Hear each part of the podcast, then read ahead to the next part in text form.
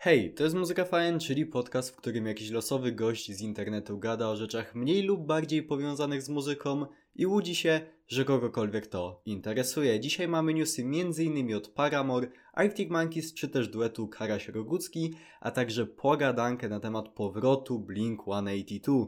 Oczywiście nie mamy czasu do stracenia, więc lecimy z newsami. Paramore powróciło po pięciu latach z nową muzyką. Singiel This Is Why muzycznie jest zdecydowanie bliżej chociażby ostatniego albumu zespołu, aniżeli klasycznego Paramore i szczerze mówiąc nie za bardzo mnie to dziwi, a sam kawałek jest naprawdę całkiem sympatyczny, to bardzo dobrze zrobiony indie rock, a Hayley Williams oczywiście jak zawsze brzmi po prostu rewelacyjnie. Arctic Monkeys wydali drugi singiel z nadchodzącego albumu i tak samo jak poprzednik podoba mi się, ale bez szału. Na pewno na plus obecność jakichkolwiek gitar, ale z kolei tym razem gorzej wypadł sam Alex Turner. Spotkałem się z opinią, że brzmi to jak bardzo słaby występ na karaoke i szczerze mówiąc coś w tym niestety jest. Tak czy siak, warto moim zdaniem dać szansę. Counterparts wydali swój nowy album Eulogy for Those Still Here i przyznam, że nie do końca pojmuję jak zespół, który od ponad 10 lat gra w gruncie rzeczy w kółko to samo i bazuje na kilku bardzo prostych, sprawdzonych schematach, potrafi być tak zajebisty. To jest zdecydowanie najlepszy metallic metalcore czy też hardcore punk, jakkolwiek chcecie to nazwać, jaki słyszałem od bardzo dawna. Brendan Murphy jak zawsze rozwala na łopatki swoimi tekstami i występami wokalnymi, breakdowny po prostu miażdżą twarz i wszystko brzmi tak niesamowicie szczerze, brutalnie i soczyście. Polecam.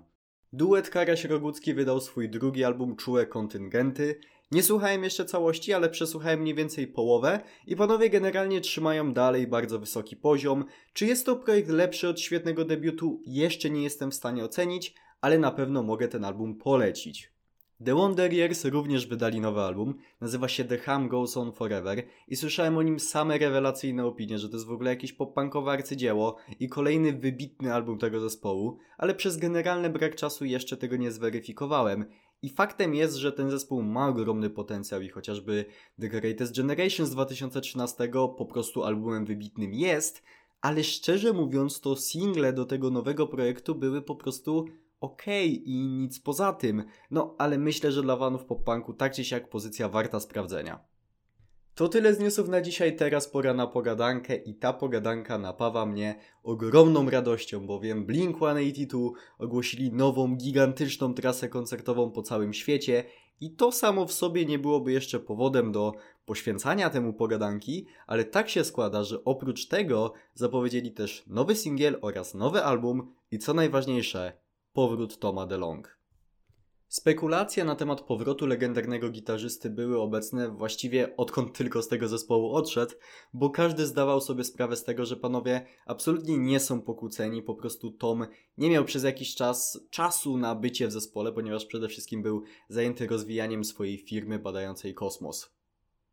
Oczywiście cała trójka wielokrotnie mówiła, że jak najbardziej jest to możliwe, aby Tom ponownie dołączył do zespołu i tak dalej, i tak dalej. No ale lata mijały i to się w sumie nie działo. I cała ta sytuacja stawiała w bardzo niekomfortowym położeniu Mata Skibę, czyli gitarzystę, który zastąpił Toma w zespole a raczej dołączył do zespołu, no bo zastąpić Toma się po prostu nie da. I to trochę przykre, że Matt praktycznie zawsze traktowany był przez większość fanów po macoszemu. Kulminacją tego wszystkiego była jego ostatnia wypowiedź na temat jego statusu w zespole. Matt sam przyznał, że on w sumie nie ma pojęcia, czy dalej jest członkiem Blink-182. No i jak już teraz wiemy, na pewno faktycznie nim nie jest. Wiele osób proponowało taki układ, żeby owszem, Tom wrócił do zespołu, ale jednocześnie zatrzymać Mata i stworzyć z tego kwartet. I choć to by była całkiem ciekawa opcja, no to jednak to by nie rozwiązało problemu traktowania Skiby po macoszemu to raz, a dwa, że umówmy się, na zawsze najbardziej ikonicznym Blink-182 będzie trójka. Mark Hoppus, Travis Barker i Tom DeLong.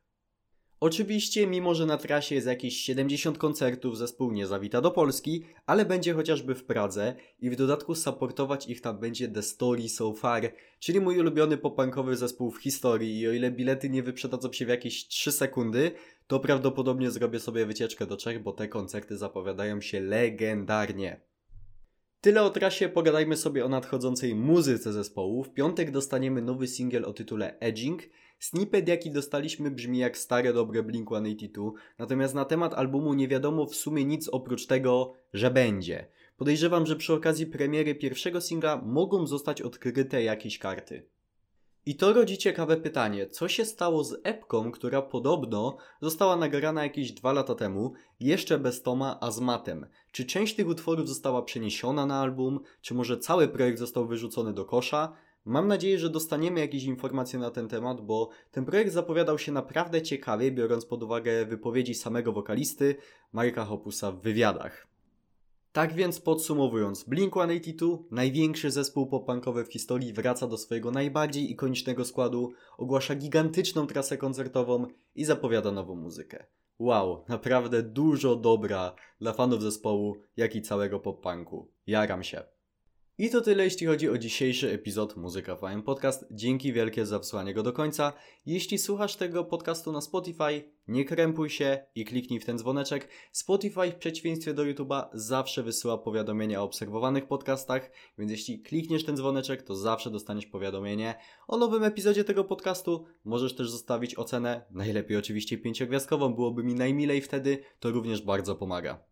Przypominam też, że w opisie znajdują się linki do mojego Discorda, YouTube'a, Twitcha, TikToka i tak dalej, i tak. Wszystko tam znajdziecie. Jeśli macie jakieś pytania do mnie albo jakiś pomysł na temat, który mógłbym poruszyć w podcaście, to możecie napisać do mnie chociażby na maila muzykafajn.gmail.com Czekam na Wasze propozycje, na Wasze pytania. Bardzo chętnie się do nich odniosę. I to tyle na teraz. Ja już nie przedłużam. Życzę Wam miłego dnia bądź wieczoru i do usłyszenia w następnym epizodzie. Hej!